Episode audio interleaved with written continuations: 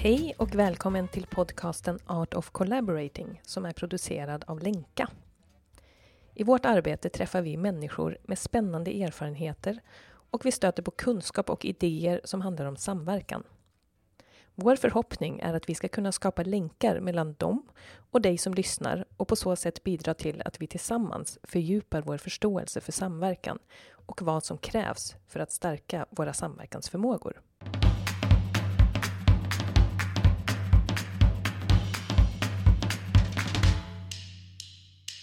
Ja, vad roligt! Nu sitter vi här tillsammans med dig, Sanna Halfdan och eh, Anna Singmark och mig, Caroline Bottheim. Och vi ska prata om en bok som du har skrivit, Sanna, tillsammans med Fanny Eklund. Och den boken heter SIP, Samordnad individuell plan.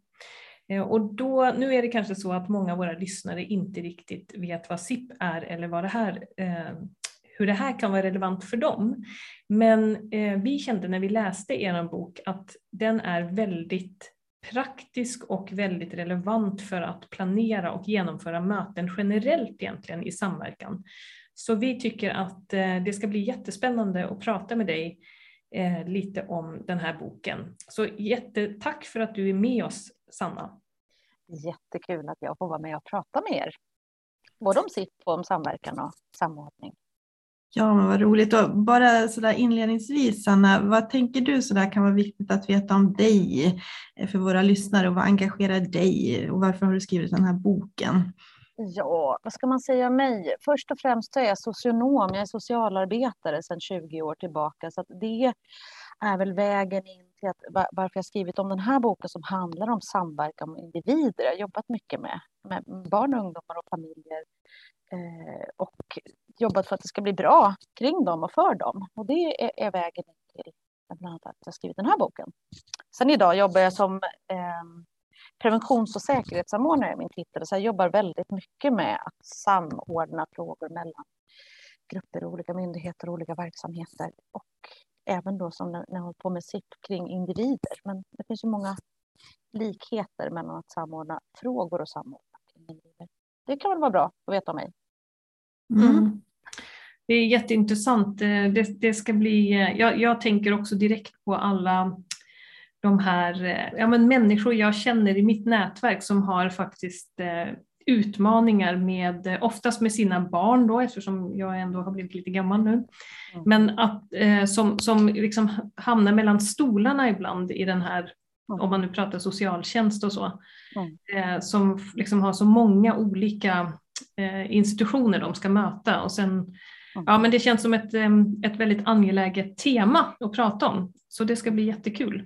Men vi tänker att vi, vi checkar ju in, Sanna, för det första, vi kanske också ska berätta för våra lyssnare att vi känner ju varandra lite, för vi har, mm. du har ju varit på en av våra utbildningar och eh, så vi vet ju en del om varandra och eh,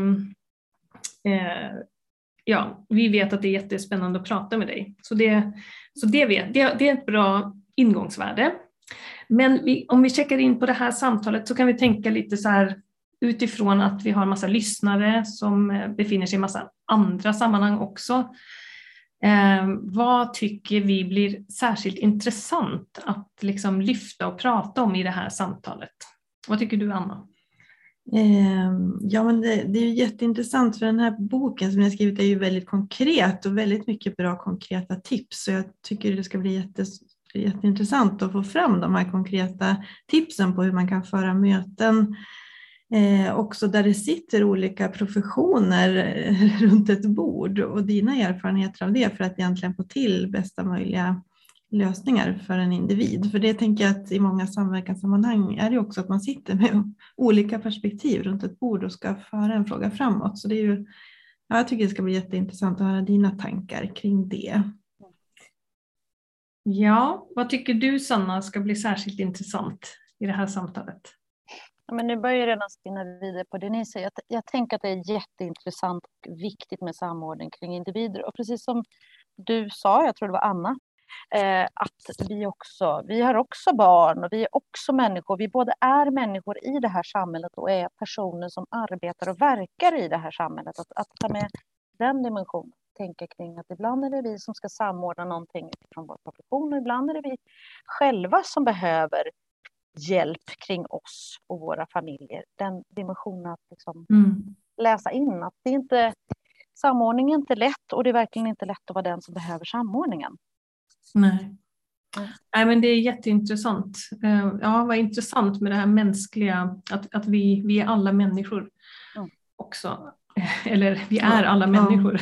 Och är i de behoven. Ja, precis. Eh, ja, och jag tycker, eh, jag tycker bara att det ska bli så det, det tycker jag ska bli jätteintressant att prata vidare om det du sa nu Sanna faktiskt. Mm. Mm. Och sen att vi ja, men kanske lyckas förmedla på något sätt eh, till lyssnarna också hur otroligt fantastiskt konkret och användbar den här boken är som ni har skrivit. Det, det hoppas jag också att vi kommer in på lite. Mm. mm.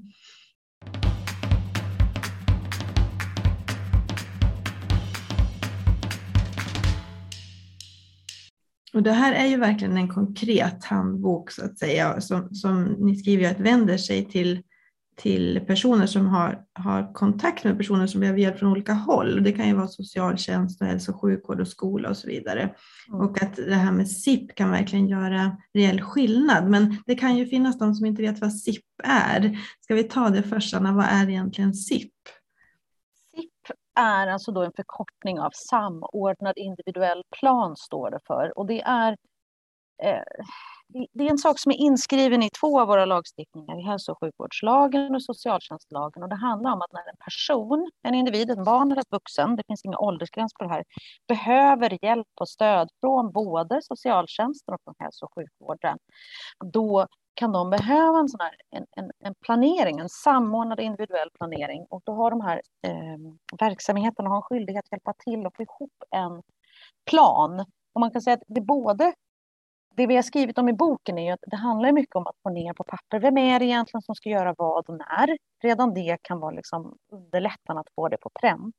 Men för att få till den här planeringen och samordna planeringen så kan man behöva ha olika sorters möten med flera parter med. Så det är mycket fokus i den här boken också på hur kan man ha de här mötena när man kommer från olika verksamheter? Hur lägger man upp det? Vad har man för struktur? Hur ser man till att delaktighet?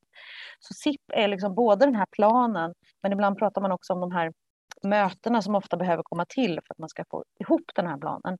Och sippandet, alltså det vi gör, det är ju för att det ska bli tydligare kring de här personerna som behöver hjälp och ibland för att det ska bli bättre, att det ska liksom bli lättare i deras livsföring och det som de behöver hjälp med. Så, att, så SIP är liksom alla de här grejerna, det är den här planen, men vi, det är de här mötena vi har få till planen, men det är också liksom en process, mm. Mm. ett arbete som sker kring den här individen och de personer som jobbar kring den, från hälso och sjukvård och från kommun ja. skola. Det är många andra verksamheter kan också vara med, men just de här är lagstadgat skyldiga att delta, hälso och sjukvård och socialtjänst. Mm. Och, och, när man läser boken så förstår man någonstans att ni har väldigt mycket erfarenhet också kring den här processen som sådan. Hur får man till liksom bra mm. Mm. bra möten och process kring individen. Mm. Men, men, bara, jag tycker det är intressant, för du sa det att det liksom står i, i eh, den där, eh, vad heter det nu igen, lagen? Hälso och sjukvårdslagen och i socialtjänstlagen. Just det. Eh, och då är det ju lite intressant, eh, varför har man behövt la lagstadga det här? Varför har man liksom behövt göra det till en egen, varför sker inte det här av sig självt? För jag tänker där, det är där det, är där det börjar lite, eller hur? Att, mm.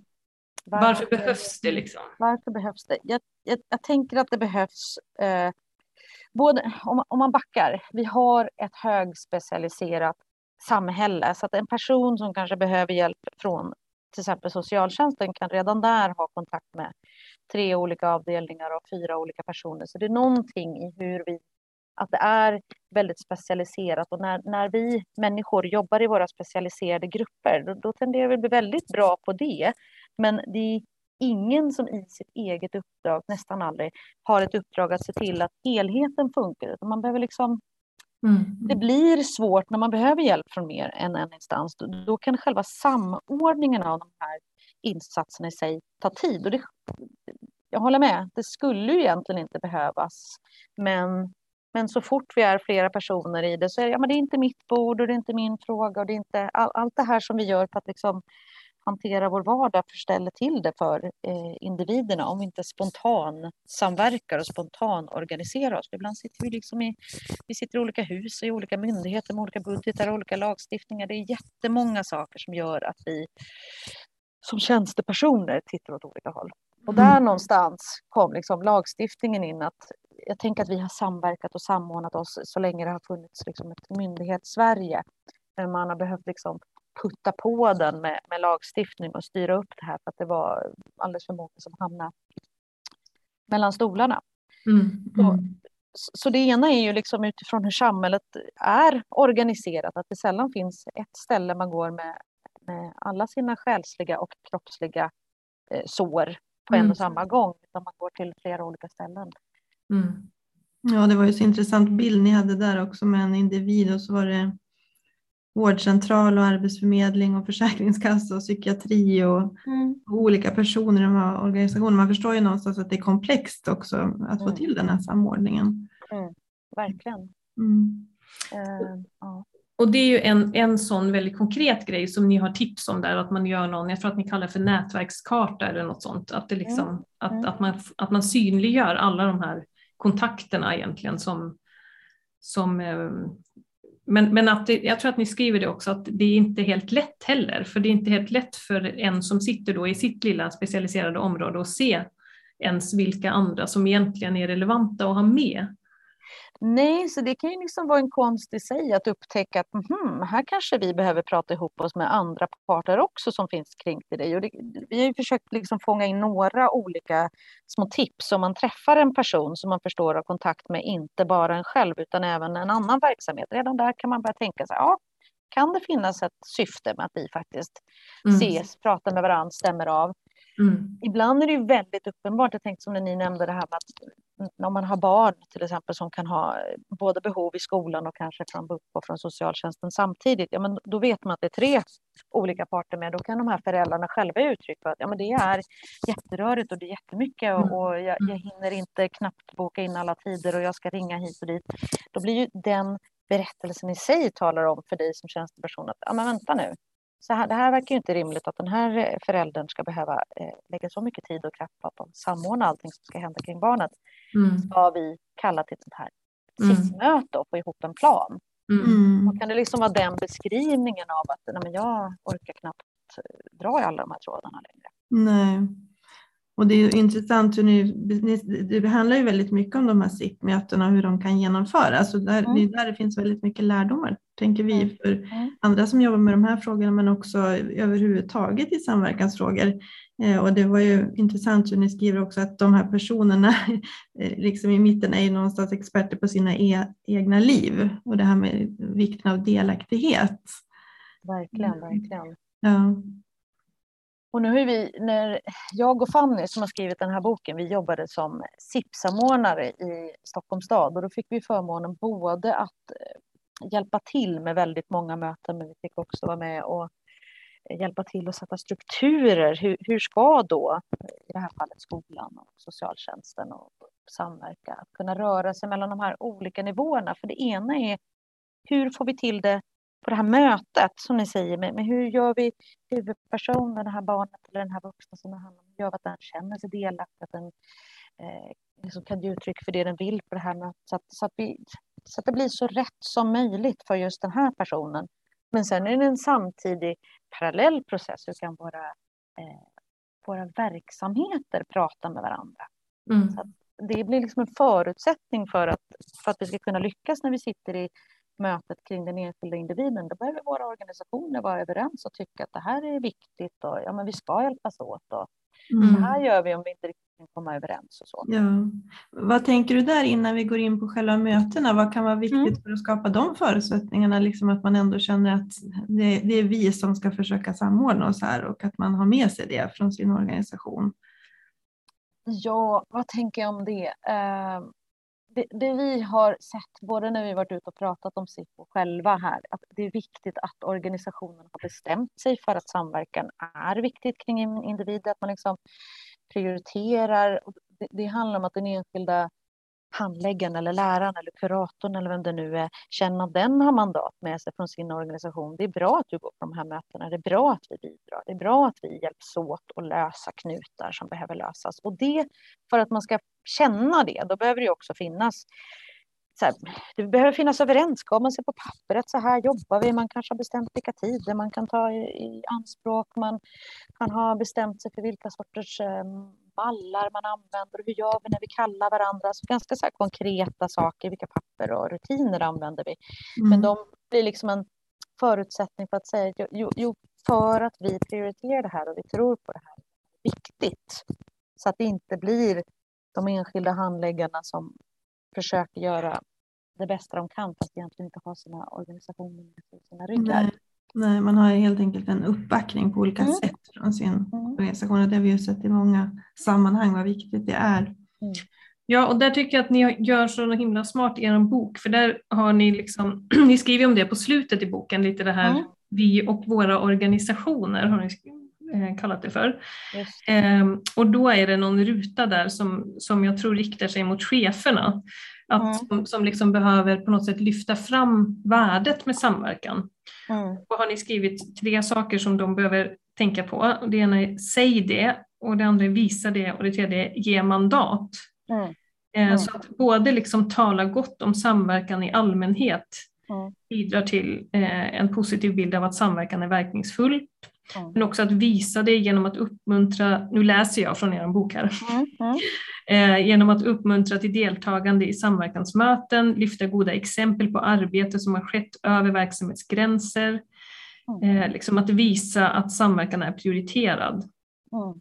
Vi, kan, vi ska vara intresserade av, fråga om och återberätta det vi hör om samverkan. Mm. Eh, och jag tänker det är, sådana här små saker som är så viktiga att bli påmind om, för det där tror jag att. Att väldigt många glömmer bort eller inte kanske är helt medvetna om hur viktigt det där är. Mm.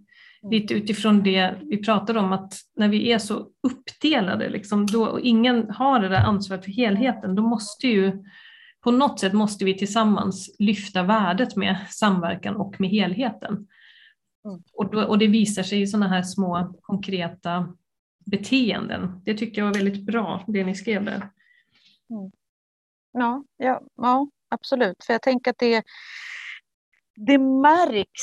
Eh, jag har tänkt jättemycket när vi har hållit på och pratat om det här med SIP och skriva den här boken och jobba med SIP. Att hur, hur vi kanske långt mycket mer än vi först tror bär med oss våra organisationers kulturer och de outtalade liksom, sakerna som sägs. Om man har en organisation som egentligen tycker att det här med samverkan har vi inte riktigt tid med och det är inte riktigt vårt bord, då mm. kommer det märkas på de personer som kliver in i rummet. Då kommer de vara lite mer tillbakalutade och lite mer armarna i kors och lite mer så här, ja, ja, ja. Mm. Ja, men ni, ni, får prata om vad ni vill. Jag, jag kan vara med en timme, sen går jag. Liksom, mm. Då blir det det förhållningssättet. Medan om man vet att ens organisation vill att jag ska vara där och tror på min förmåga att bidra i det här mötet, då, då kommer jag liksom gå in lite mer. Sen är vi individer också, men vi är också väldigt mycket. Eh, vi är de organisationer. Vi mm. är inte de organisationer, men vi är väldigt präglade av de organisationerna. Och det mm. tänker jag märks som allra mest när vi möter varandra över organisationsgränser. Då får vi syn på att vi pratar lite olika språk och gör på lite mm. olika sätt och ser lite olika på värden. Mm. Samordning och samverkan. Ja. Samarbete. Mm. Ja, det är jätteviktigt vad man har med sig in så att säga, hur mm. man kan vad man har för frihetsgrad att agera också. Mm. Ja.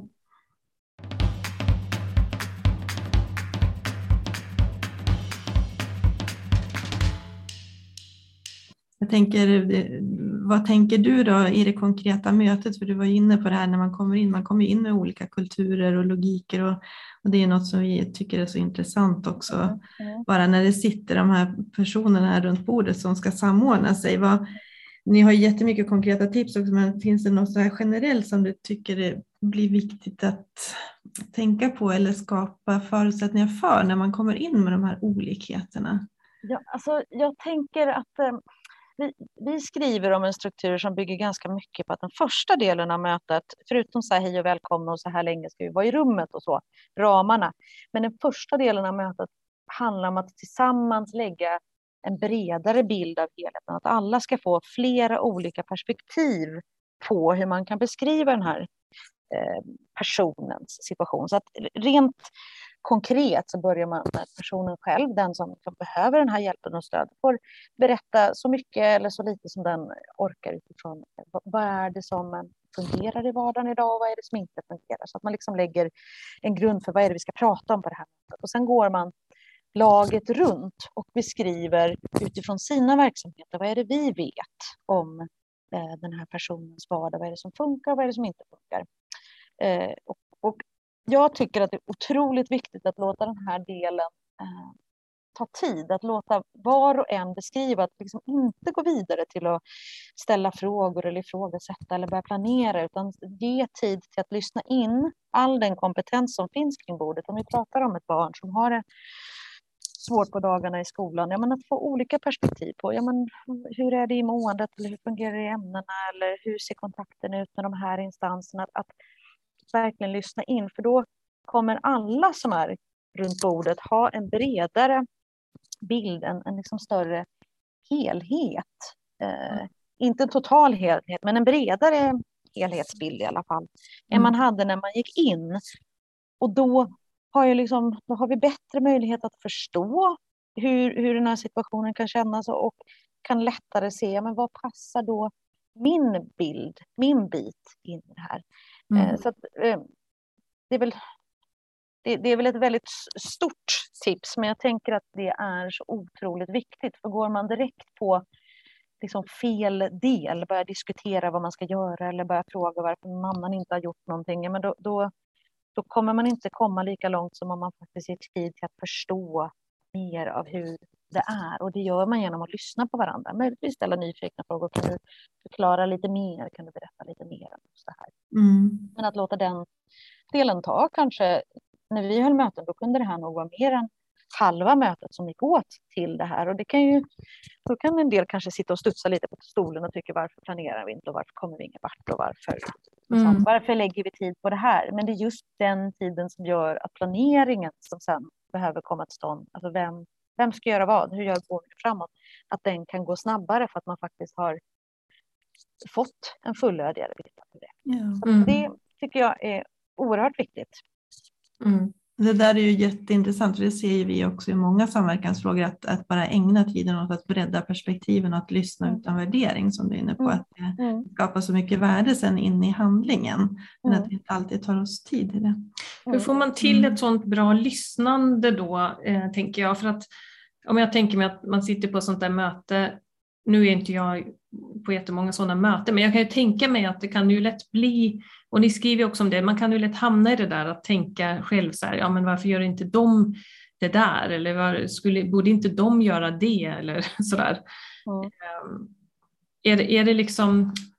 Mm, för, hur gör man det?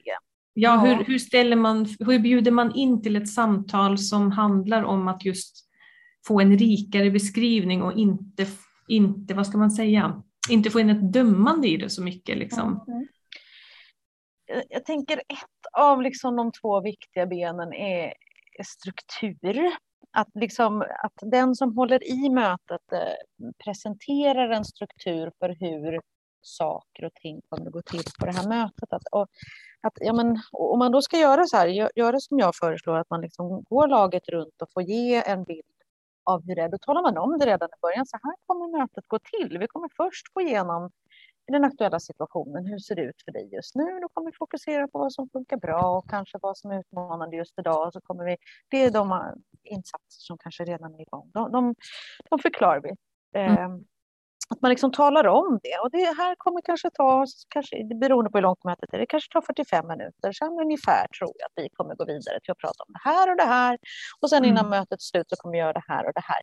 Så att alla som mm. sitter mm. på mötet vet, ah, okej, okay, det är ungefär så här det kommer gå till. Då kan man liksom eh, lita på processen mer än om man inte alls vet vad det är. Istället, får man mm. bara kliva in, ja men okej, okay, ni har bokat en och en halv timme här. Mm. Då, då, är det väl lika bra att vi börjar jobba på en gång. Mm. Oavsett vad, vad, man då kanske själv tycker är jobba, att det är planera eller mm. ifrågasätta eller så. så att, eh, att den struktur som man har bestämt, den gör man tydlig för alla. Så jobbar vi mycket, det här är ju möten där man möts över olika organisationsgränser, det vill säga man har olika sätt att ha sina möten, man har olika begrepp och man har dessutom är ju en del av personerna där som privatpersoner i deras liv det handlar om. Det är mm. ännu viktigare att, att, att, eh, att strukturen är bra och att strukturen är tydlig så att man kan eh, Mm. Om det är någon del man då tänker, åh den här delen kanske jag tycker är lite lång, men jag vet att de har sagt att vi kommer hålla på si och så länge ungefär. Så. Ja. så vi, vi tänker att den som är i de här mötena är ju mötesledaren, att någon har ett tydligt ansvar, liksom. hålla i och hålla koll på klockan och hålla koll att folk kommer till tals. Mm. Sen sa ju ni också, hur, hur får man till det här tilltalet? Mm. Ibland kan det vara så, lite beroende på vad det är för möte. Ibland kanske man behöver säga det väldigt tydligt. Så på det här mötet så ska vi försöka prata så här och så här till varandra. Vi pratar med varandra och inte om mm. varandra. Du vet, lite så, man kan behöva, mm. man vet att det kanske är ett möte där det finns mycket känslor, där, där man har anat att det finns lite anklagelser mellan olika verksamheter eller vad det nu kan vara, då kan man behöva uttala det. Och vi kommer mm. prata på det här och det här sättet och min roll kanske var, är att jag kanske kan komma och avbryta och göra om mig Mm. Om vi kommer för långt från det vi har tänkt att vi ska göra. Ja, ja just, jag kan tänka mig att det kan vara en hel del känslor också i de här mötena. Det, det kan det verkligen vara. Mm. Men, men det är det där som, jag, som du sa nu som jag tycker är så himla bra med er bok, just det där, ja men dels det du sa med att att ni får till det genom en struktur. Att liksom, mm. för det är ju, tänker jag, i vilket möte som helst så, att man egentligen vill veta vad, vad ska vi prata om, hur lång tid ska vi göra? Alltså, man vill ju känna sig trygg liksom, med processen. Så det är ju även i andra möten som inte är så, vad ska man säga, känsloladdade eller så, vad ska man säga, eh, känsliga kanske, eller liksom, mm. som mm. handlar om så känsliga saker. Så, så kan det där ju vara jätteviktigt för att eh, slappna av i mötet. Så det är ju liksom sådana, och där har ju ni jättemycket bra eh, såna här, gjort jättetydligt e-, exempel på mötesstruktur och hur en liksom, dagordning kan se ut och sådär. Mm. Mm. Med pauser och, och alla detaljer. Och det där tänker jag är så viktigt Mm. Att komma ihåg att det är ett riktigt jobb det där att göra, skapa bra möten. Liksom. Mm. Också det här du sa med att veta liksom hur, för jag, ni har ju också exempel på hur man kan visualisera, un, alltså man vis, visualiserar eller skriver upp på tavlan liksom, mm. eh, vad vi ska göra, vad vi redan har gjort, eh, liksom stryka över det som är avklarat eller hur mycket tid vi, mm. vi har kvar och sådär. Och det mm. tänker jag också är så här, som, man, som gynnar alla möten egentligen. Ja, mm. så är det ju verkligen. Jag tänker, nu nämner du två grejer som jag tycker är väldigt viktiga. Du sa det här med, vi föreslår att man ska ha paus. Mm. Och det är ju inte alltid, i vissa möten kan man bara köra på och så liksom speedar man upp och så kommer man i mål. Men just för att ett SIP-möte, det handlar ju om någon människas vardag. Det, det finns ofrånkomligen känslor med. Det mm. handlar inte bara om ja, eh, något mekaniskt. Mm. Och just för att det är så, så kan den här pausen det kan vara viktig för att man behöver bara få liksom gå ut, ta lite luft, kanske landa i känslor. Men det kan också vara så att pausen kan vara viktig för att alla sitter ju där. Ingen vet riktigt vart man kommer komma under mötet. Man vet inte vilka frågor man kommer få till sig som organisation, vilka liksom saker man behöver fundera på. Och de mm. som mötet handlar om kan liksom behöva helt enkelt bara få ta time-out från det här mötet en liten stund. Mm. Då kan det här mötet. Det kan ju vara tiden för att hinna tänka efter själv eller ringa sin kollega eller om, om det är det mötet handlar om. Stämma av med mötes, eller snarare att mötesledaren stämmer av med dig. Så, men hur känns det? Känns det okej? Okay? Eh, har vi rätt fokus? Mm. Eh, så paus i sig skulle jag verkligen just här förespråka. Det kan man ju, men det vet ni nu när vi har levt den här digitala världen, vi ibland kör på utan pauser mm. överhuvudtaget. Och det, går väl om man blir trött, men om, om det är känslor med så ja, man mm. behöver få liksom, eh, ja, ta en liten stund och tänka efter och landa in det. Mm. Och, och sen som du säger också det här med visualisera är egentligen alltid, alltid ett underlättande på alla sorters möten. Det tänker jag oavsett vilka sorters möten jag har hållit i eller deltagit i när jag väl börjar säga ursäkta kan jag använda vita tavlan lite grann. Jag bara fick en idé och så börjar man skissa några ord eller skissa några rutor eller pilar utifrån mm. det som diskuteras. Så ser man alltid hur, hur det ger en extra dimension. Det både kan underlätta och ge igenkänning och stämma av och så där. Så att visualisering är ju jätteunderlättande och på ett SIP-möte kan det finnas så många saker som nämns. Man kan ju prata om eh, eftersom man pratar om människors olika vardag. Man kan prata om morgonrutiner och skolrutiner och hur det är på kvällarna och hur det är på dagarna och de olika insatser. Det kan vara hundra olika saker. Om man då har skrivit upp dem, då vore det ju lättare att eh, komma ihåg dem. Och komma, ja, men just det, det där har vi pratat om. Det där sa man. Mm. Annars försvinner det ju in i en annan pratröra om man inte hjälps åt och använder tavlan. Ibland mm. kan ju SIP-möten vara inte jättemånga personer, men det kan ju vara tio personer runt. Mm. Sex olika verksamheter och en familj. Så det kan vara väldigt många aspekter. Som finns Verkligen. Mm. Det känns som att, eh, herregud, det, det låter som att det är ett jäkla jobb att leda sådana möten, tänker jag nu. Om man bara ska liksom, ja, stå där och visualisera det som sägs och kanske frågor som man behöver parkera och sen eh, frågor, alltså sortera också det som sägs på något sätt. Eftersom det mm. antar jag blir så väldigt mycket olika saker då beroende på vilket eh, perspektiv man tar med sig in. Liksom. Och det, men det skriver du ju också om där ett eh, kapitel, eller ni, i er bok, eh, om mötesledaren. Det tyckte jag också var väldigt fint att läsa. Att, det, mm. att ni skriver där att det ett, eh, man kan vara väldigt slut efter att mm. ha lett sådana här möten. Ja, verkligen. Det kan man verkligen vara. Det är ju att vara mötesledare, det är både ett förtroende och det är verkligen en aktiv roll. Det är det vi liksom slår ett slag för. Det är inte att, att bara sitta och fördela ordet och låta någon annan sköta det, utan man behöver liksom vara lite på tårna och lite, sådär, lite framåtlutad och mm. se vad som händer i rummet. Både ha koll på ja, men formalien, vad är klockan, vilken punkt är vi på, har vi fått ner rätt saker i protokollet? Men mm. också liksom, hur, hur mår hur mår de som befinner sig i det här rummet? Framförallt hur mår huvudpersonen, det här som mötet handlar om, det här barnet eller vuxna som det handlar om. Mm. Hur är det för den att hela tiden ha span på att det finns ingen annan i rummet som är mer berörd av de här frågorna än den personen.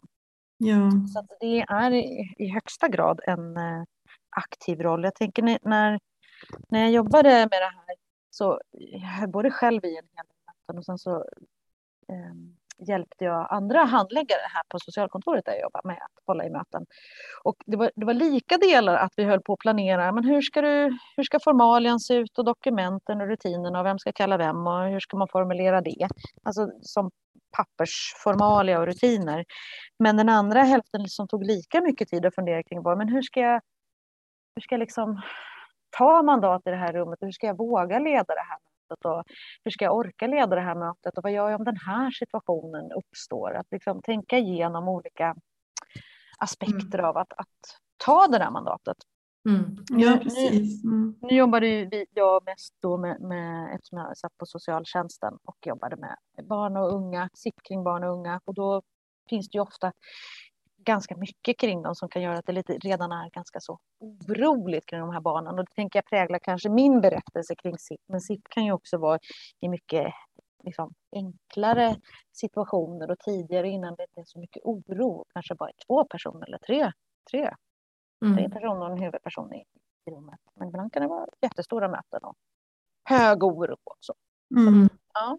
Ja, för det var intressant det ni skrev också om vikten av att förmedla tilltro och, och liksom att mm. använda sig av, av ett styrkebaserat angreppssätt. Liksom. Att mm. Det är också intressant hur, vi, hur vi leder processer utifrån det ja, förhållningssättet. Liksom. Mm. mm. Vad, vad, vad tänker du kring det eller varför blir det viktigt?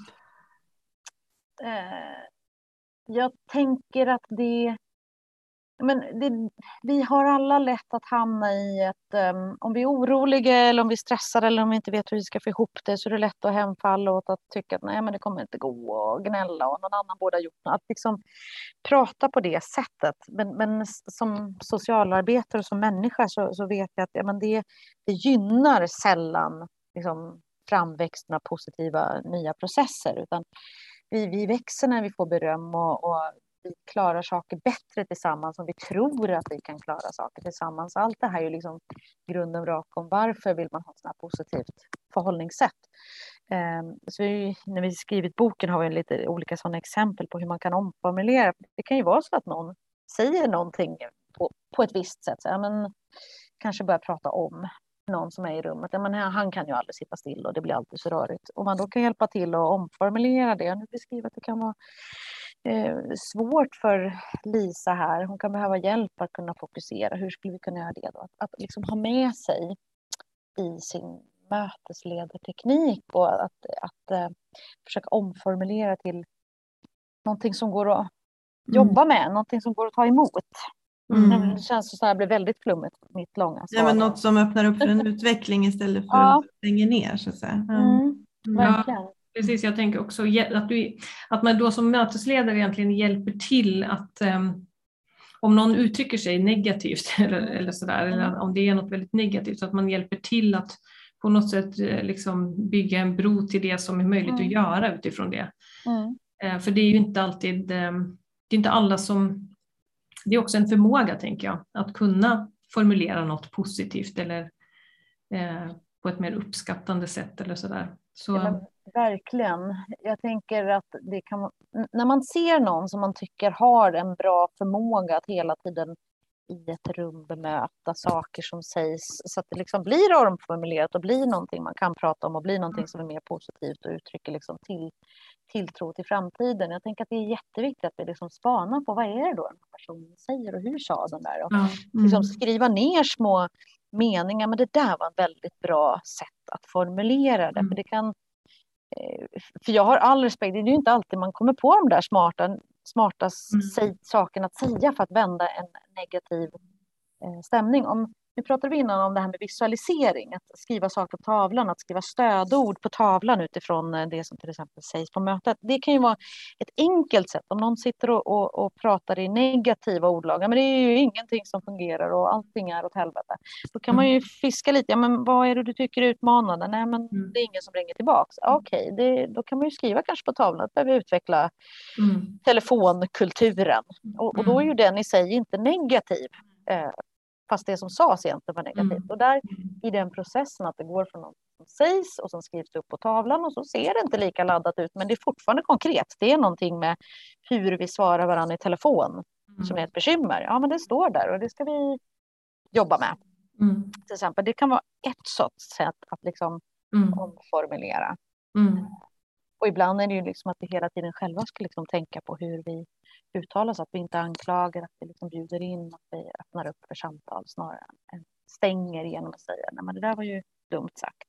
Mm. så här, mm, intressant, jag hör att du tänker någonting annat. Kan du förklara lite mer hur vi skulle kunna hjälpas åt här? Mm. mm. Det där tänker jag är sådana där förmågor som skulle vara väldigt gynnsamma i väldigt många olika sammanhang och som ni kanske man tränar på i sådana här eh, samordningssammanhang kring individer som ja. skulle gynna väldigt många sammanhang.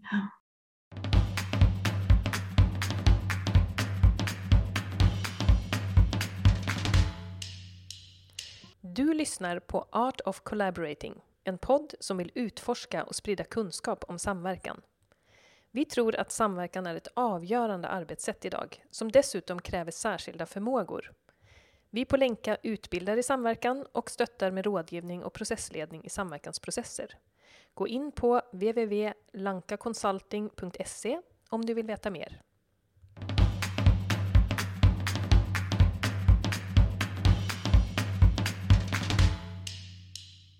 Men du Sanna, om vi kommer in på det här som du, du sa också det där med att eh, ni är också ni hjälper människor mm i behov av stöd och ni är själva också det. Vad, vad tänkte du på när du sa det? Men, jo, vad tänkte jag på då? Um, både Fanny och jag som har skrivit den här boken, vi har ju själva barn som det inte alltid är helt enkelt kring. Och det har att kunna plocka fram den sidan, att, att komma ihåg hur sköra vi är när det gäller oss själva och när det gäller våra barn eller vår egen hälsa eller när det är vi som behöver hjälp av samhället. det är så viktigt att komma ihåg att det är jobbigt, det är tufft. Så att när vi väl går in i ett möte och är de här professionella, mm. att då ha väldigt stor respekt för att vi sitter här idag, vi kanske sitter fem personer eller tio eller tolv mm. i ett rum. Och det vi pratar om, det kanske är en tjänstesak för mig, vem är det som ska betala för den här insatsen, eller när ska det sättas igång, eller långa kötider är det. Det kanske bara är liksom det berör inte mig känslomässigt, men för en person som sitter i det här rummet så berör det verkligen den personens vardag. Mm. Att inte glömma, den dimensionen är så otroligt mycket starkare just i sittmöten. Det här är personer som av någon anledning behöver hjälp med samordningen för att den inte funkar eller för att det är mycket eller för att de inte fått rätt mm. insatser mm. eller för att det är hög oro. Mm. Så att vi, vi kan inte vi måste ha liksom en särskild respekt för, eh, för den känslan. Mm. Och då kan vi ja. behöva påminna oss själva om ja, men hur är det när vi själva är sjuka eller oroliga eller behöver samhällets hjälp. Ja, för det där är ju liksom, det, det är ju det där jag har då hört om liksom massa sådana exempel att, mm. att det är en sån otrolig förtvivlan hos liksom både föräldrar och barn, eller särskilt kanske föräldrar då som känner att det finns inget, vi får inget stöd liksom, eller det, det som ofta, man ofta hamnar i är att, att man liksom eh, slussas vidare i systemet och så, ja.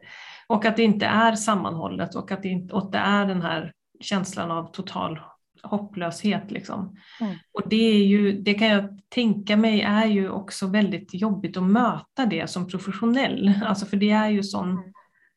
otrolig, liksom, vad ska man kalla det för? Alltså det är ju bara helt, ja men när, när något känns så hopplöst liksom, och man är desperat nästan. Mm. Och ähm, ja, det, det... Och det är ju, och jag, vi hör ju åter och återigen precis de här rösterna. Föräldrar som liksom inte riktigt får gehör och inte får till till exempel de här SIP-mötena. Och, och ibland när SIP-mötena blir av så blir de ändå inte till någon hjälp. För när, mm. Grejen är ju att när man väl ska om, om det är så här rörigt, ja men då har man rätt att få en SIP och då ska den SIPen komma ganska snabbt och då ska den SIPen i sig vara avlastande. Jag tänker att jag har träffat många föräldrar som kan vara lite så här skeptiska innan mötet. Så men vi får se, det här är bara ytterligare ett pratmöte. Jag vet inte, jag tror ingenting förrän jag sett någonting. Men om man då får till den här bra processen, att man kan lägga det här helhetspusslet tillsammans i början så att fler personer förstår mer av hur det ser ut i den här familjens vardag. Att man kan få till en planering som faktiskt funkar och som man bestämmer sig för att följa upp. Mm. Där någonstans, när man har gått igenom hela det första mötet, så kan ganska många säga så här, ja, nu vet jag ju inte om någonting har hänt ännu, men det känns, jag har i alla fall tilltro till det. För nu står det på ett papper, vem är det som ska göra vad och när? Och det står tydligt på det här pappret att det är inte jag som ska ringa överallt, utan mm ja, vem ska ringa mig när och vad ska göras i vilken ordning och så vidare. Mm. Eh, och när man sen, eh, för, jag tycker att när man har sådana här sittmöten att man alltid ska ha åtminstone ett uppföljande möte, för det är liksom både sätter lite fart på saker, annars kan det bli så här, ja, det är nästan som att sittmötet är lösningen. Det är ju bara början till att liksom, mm. samordning ska ske. Mm. Och om man då har ett uppföljande möte, då får alla lite eld i baken och faktiskt se till att det blir någonting. Och man vet att man kommer sitta där igen och man vet att man liksom kommer stämma av hur har det gått. Mm, och då kan det vara många gånger vid de mötena som man kan säga så här, men titta, här har faktiskt den här saken blivit lite bättre och det här saken mm. har blivit lite bättre. Och då kan verkligen hopp födas att saker och ting kan liksom bli lättare och bättre. Man kanske mm. inte löser allting, för det kan vara så att det kan ta åratal att lösa vissa situationer, men att det går åt rätt håll.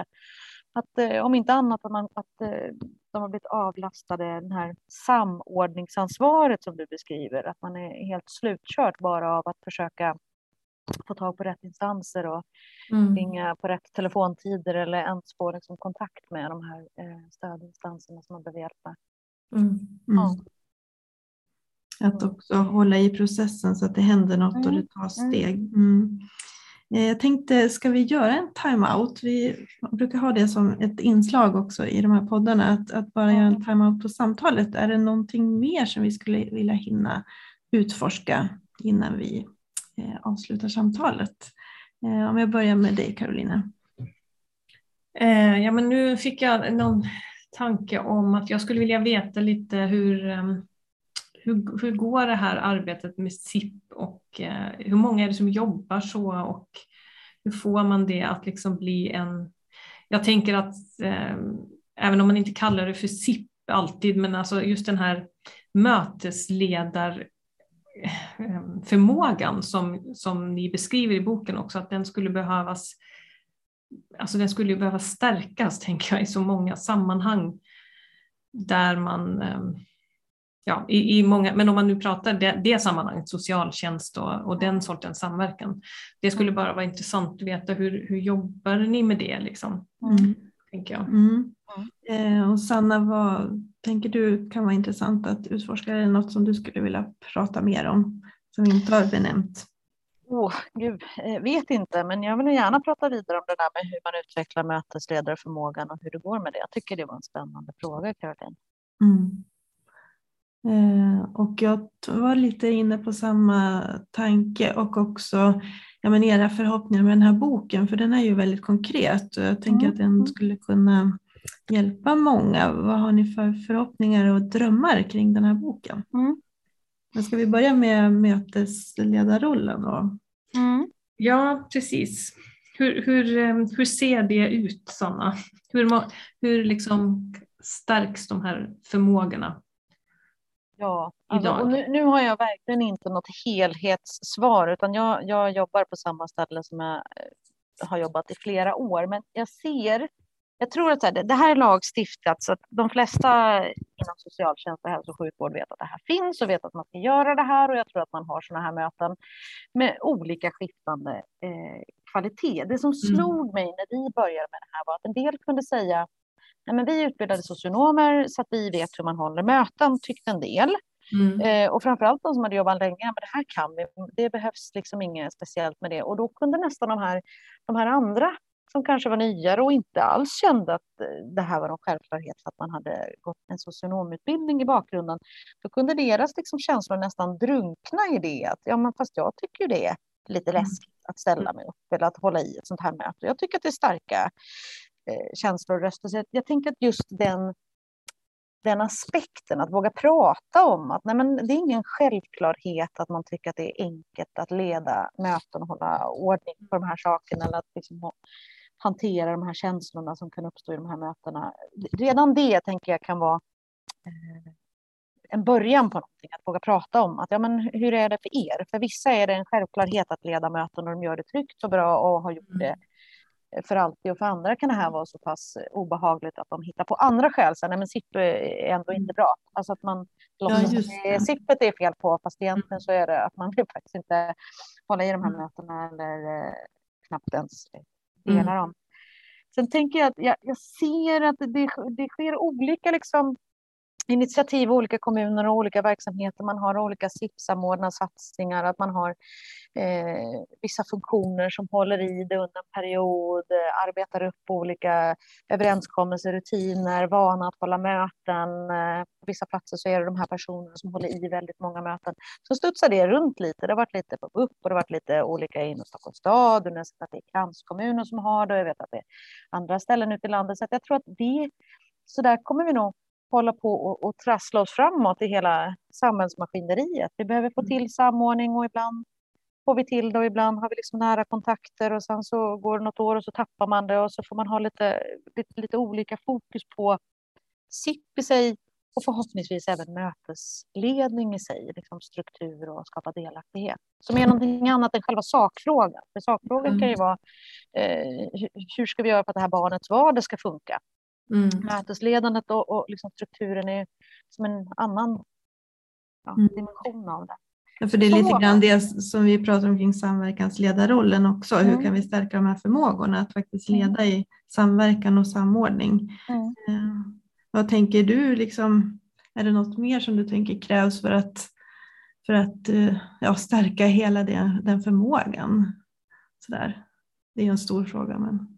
Ja, ja men i, i drömvärlden skulle alla få gå den fantastiska utbildningen som ni har. Eh, till exempel, men att man skulle ha sådana fokus på också att leda möten, för man kanske mer har det, är inte så konstigt. Är man psykolog har man fokus på det psykologiska arbetet, är man socialarbetare har man kanske fokus på liksom, de sociala processerna och utredningar man håller på med. Man har inte fokus på den här vi-frågan, mötesledningen, när vi möts tillsammans. Men, mm. men det mm. kommer vi nog eh, behöva ha.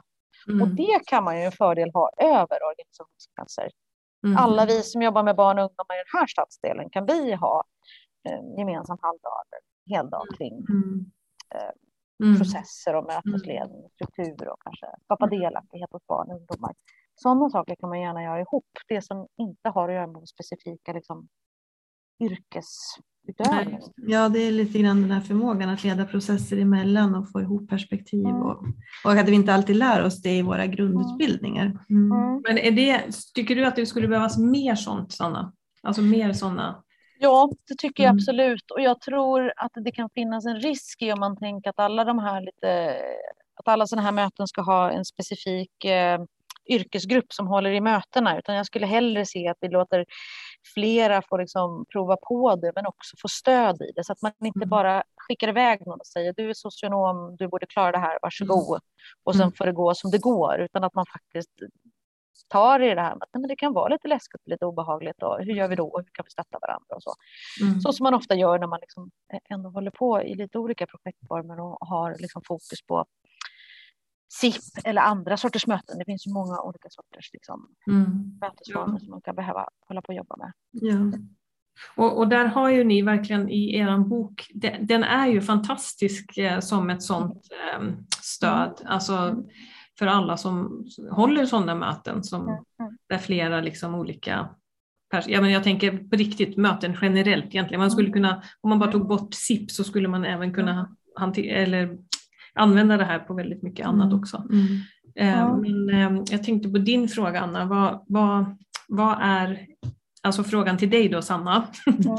vad, är, vad är era förhoppningar med den här boken och, och hur skulle ni vilja att den Ja, men det, det är ju precis det du säger Caroline. För jag tror det är Caroline som pratar. Ja, det var, det var ja, det är Caroline.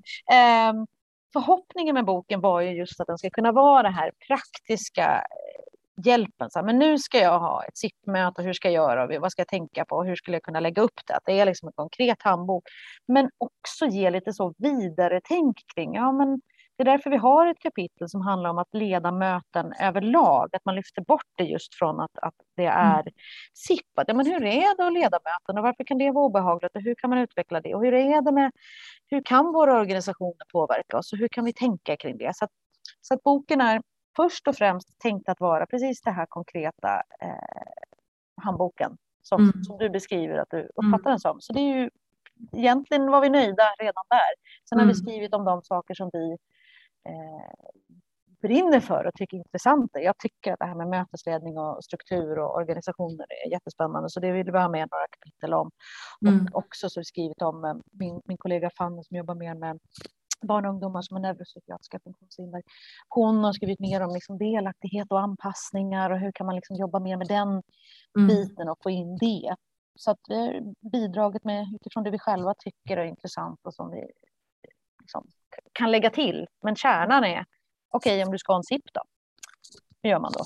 Ja. Vi tycker nog att vi, vår förhoppning med boken, den har vi nog eh, uppnått. Sen mm. vill vi gärna fortsätta prata om den och jobba vidare med det och tänka på olika aspekter kring det. Det är mm, mm. jättespännande. Mm. Det måste ju finnas en, eh, en, potential för spridning så att säga eftersom många jobbar med SIP mm. och generellt då med mötesprocesser kopplat till individer. Att det, det kan ju vara många som kan vara intresserade av den här boken. Ja, men jag tycker att det, vi verkar märka det, att det är många som är intresserade. För den är ju skriven för, även om vi har jobbat mest med barn och ungdomar, men den ska egentligen kunna läsas oavsett om man jobbar med vuxna eller med liksom, mm. personligt funktionshinder eller oavsett. Så vi har varit ute och pratat både om hur kan man jobba med delaktighet, delaktighet specifikt när det gäller barn, hur kan man anpassa så att de kan vara med och göra dem delaktiga i processen. Vi har varit ute och pratat om hur man kan använda det här när man jobbar med äldre som kanske bor mm. på särskilt boende. Så att det finns många olika aspekter man kan liksom mm. lyfta ut och prata vidare och så. Så ni och, åker också runt ibland och, och berättar eller, eller liksom gör föreläsningar? Ja, ja, men precis. Vi har varit Mm. runt och gjort lite föreläsningar. Och Det är man intresserad av det får man eh, höra av sig till mig. Mm. Ja. Ja, det är ett tips till er alla där ute. Mm. Ehm, Men då tänker vi kanske att vi tar och checkar ut ehm, från det här samtalet. Det har varit väldigt spännande att prata med dig, Sanna. Mm. eh, och om er väldigt praktiska och bra, braiga bok. Eh, Men vi kan väl ta och checka ut frågan, vad tar du med dig från det här mötet eller från det här samtalet? från det här mötet, vi har pratat så mycket om möten. Ja, precis. Men vad tar du med dig från det här samtalet? Eh, Caroline, vad tar du med dig? Eh, nej men bara å, återigen en påminnelse om att, eh, hur viktigt det är att, eh, Ehm, hur stort det är att leda möten. Det tycker jag verkligen att, eh, att ni både beskriver i er bok och att det kom fram i vårt samtal också. Att det är en eh, jätte, jätteviktig grej. Mm. Med mig. Och Sanna, vad tar du med dig från den här, det här samtalet? Ja, men jag tar nog med mig samtalet i sig, ah, apropå där jag började med vikten av att eh, gå laget runt. För ju, ju mer man börjar gräva och följa ett spår, desto mer kan man prata. Eh, Jag, jag, jag tänker att jag skulle kunna prata i timmar vidare med om olika spår i det här. Så att mer en känsla av ett väldigt fint samtal med er. Mm. Det tar jag med mig. Mm. Tar du med dig Anna? Eh, ja, men många saker. Jag tänker på både komplexiteten i att få till bra möten kopplat till individers behov och, och det här med bara det du nämnde, det här att verkligen låta alla perspektiv komma fram innan vi går in i handling. Mm. Eh, för det tänker jag borde ju vara så viktigt i alla möjliga sammanhang. Eh, och, ehm, ja, men precis, vad viktigt är att mötena då är är bra genomförda för att faktiskt kunna eh, gå sen till någon klok handling kopplat till behov. Och det kommer ju vara väldigt avgörande då hur mötet genomförs. Så att, ja, jätte, jättebra liksom, synliggörande av mötets vikt. Mm. Mm. Tack så jättemycket Sanna. Tack så jättemycket Anna och Karolina.